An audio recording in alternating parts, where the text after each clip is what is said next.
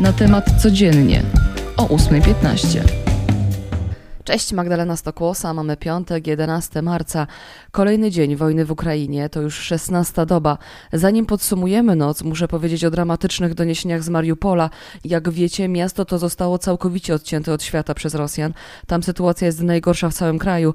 Na ulicach leżą zwłoki, umiera tyle osób, że powstały mogiły zbiorowe. Setki tysięcy ludzi pozbawionych jest tam żywności, wody, ciepła. W poszukiwaniach jakiegokolwiek jedzenia zaczęli atakować się nawzajem, bo wszystkie sklepy zostały już dawno opróżnione, podobnie jak apteki. Jak informują władze lokalne i Czerwony Krzyż, aby napić się czegokolwiek, ludzie topią śnieg. A to nie wszystko, bo cały czas trwa tam ostrzał miasta. Co kilkadziesiąt minut rozpoczyna się nalot. O tym, co dzieje się w Ukrainie, polski premier wczoraj w Wersalu mówił: To już nie wojna, to rzeź. I nie sposób się z tymi słowami nie zgodzić. Syreny przeciwlotnicze zawyły dziś m.in. w Lwowie, gdzie od kilku dni było spokojnie. Wieczorem doszło do ataku lotniczego na Instytut Fizyczno-Techniczny w Charkowie, gdzie są materiały promieniotwórcze. Wybuchł pożar, ale władze ukraińskie przekazały, że nie ma zagrożenia skażeniem radioaktywnym. Po serii wybuchów w Łódzku prawdopodobnie płonie fabryka silników. Kolejne informacje o eksplozjach napływają m.in. z Równego i z Wołynia, przekazała Nexta. Z kolei w okolicach Kijowa Rosjanie przegrupowują wojska. Nowe zdjęcia satelitarne pokazują, że rosyjska kolumna, która wcześniej rozciągała się nawet na 60 kilometrów, rozproszyła się. Może to oznaczać przygotowania do ataku na stolicę kraju. Tymczasem żadnego ataku ze strony Rosji na Ukrainę nie ma. Tak twierdzi minister spraw zagranicznych Rosji. Mówił on po spotkaniu z ministrem obrony Ukrainy, że Rosja nie zamierza nikogo atakować i nie zaatakowała też Ukrainy. Mhm. I pozostawię tutaj kropkę, bo nie wiem, jak inaczej to skomentować. A jak już oddałam głos Rosji, powiedzmy, to oskarża ona Ukrainę, że na swoim terenie wraz ze Stanami Zjednoczonymi opracowuje broń chemiczną i biologiczną i chce zwołania na dziś Rady Bezpieczeństwa ONZ w tej sprawie. Tym rewelacjom oczywiście zaprzecza prezydent Wołodymyr Załęski i strona amerykańska. Prezydent Ukrainy podał także, że jest zaniepokojony tymi oskarżeniami, bo wielokrotnie powtarzano Ukraińcom, że jeśli chcesz poznać plany Rosji, przyjrzyj się temu, o co oskarża innych.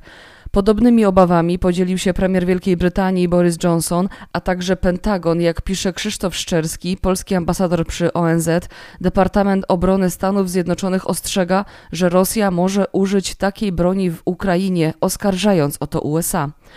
A powracając jeszcze do Wersalu, gdzie wczoraj odbyło się spotkanie przywódców unijnych, tematem tam była niezależność od rosyjskiego gazu i jak zadeklarował premier Mateusz Morawiecki, Polska do końca tego roku nie będzie już brać go z Rosji.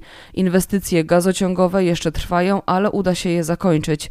Do sankcji ze strony Zachodu odniósł się wczoraj Władimir Putin, nazwał je bezprawnymi. Stwierdził, że Rosja ostatecznie wyjdzie po tym jeszcze silniejsza i bardziej niezależna. Okej, okay, to dzisiejsze zapowiedzi. Dziś zaplanowane jest uroczyste zgromadzenie posłów i senatorów, które zostało zwołane z okazji 23. rocznicy wstąpienia Polski do NATO. Przemówienie wygłosi prezydent Duda, ale też online sekretarz generalny NATO Stoltenberg. Dziś też z roboczą wizytą uda się do Rosji Łukaszenka. Białoruski przywódca chce omówić dwustronne relacje, współpracę gospodarczą wobec zachodnich sankcji oraz sytuację w regionie i w Ukrainie. Ciekawa jestem, czy też tematem rozmów będzie sport, bo wczoraj dowiedzieliśmy się i tu przejdę do informacji sportowych, że Rosja za tydzień zorganizuje własne alternatywne zimowe igrzyska paraolimpijskie i właśnie oprócz Rosjan wezmą w nich udział Białorusini.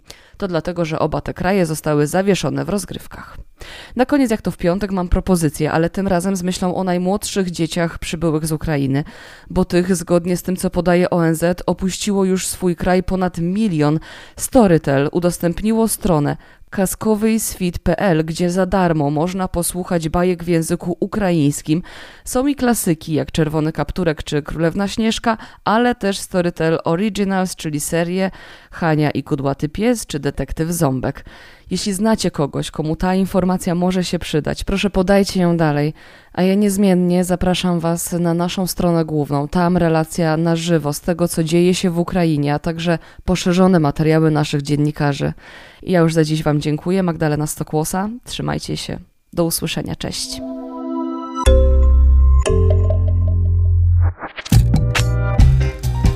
Na temat codziennie o 8.15.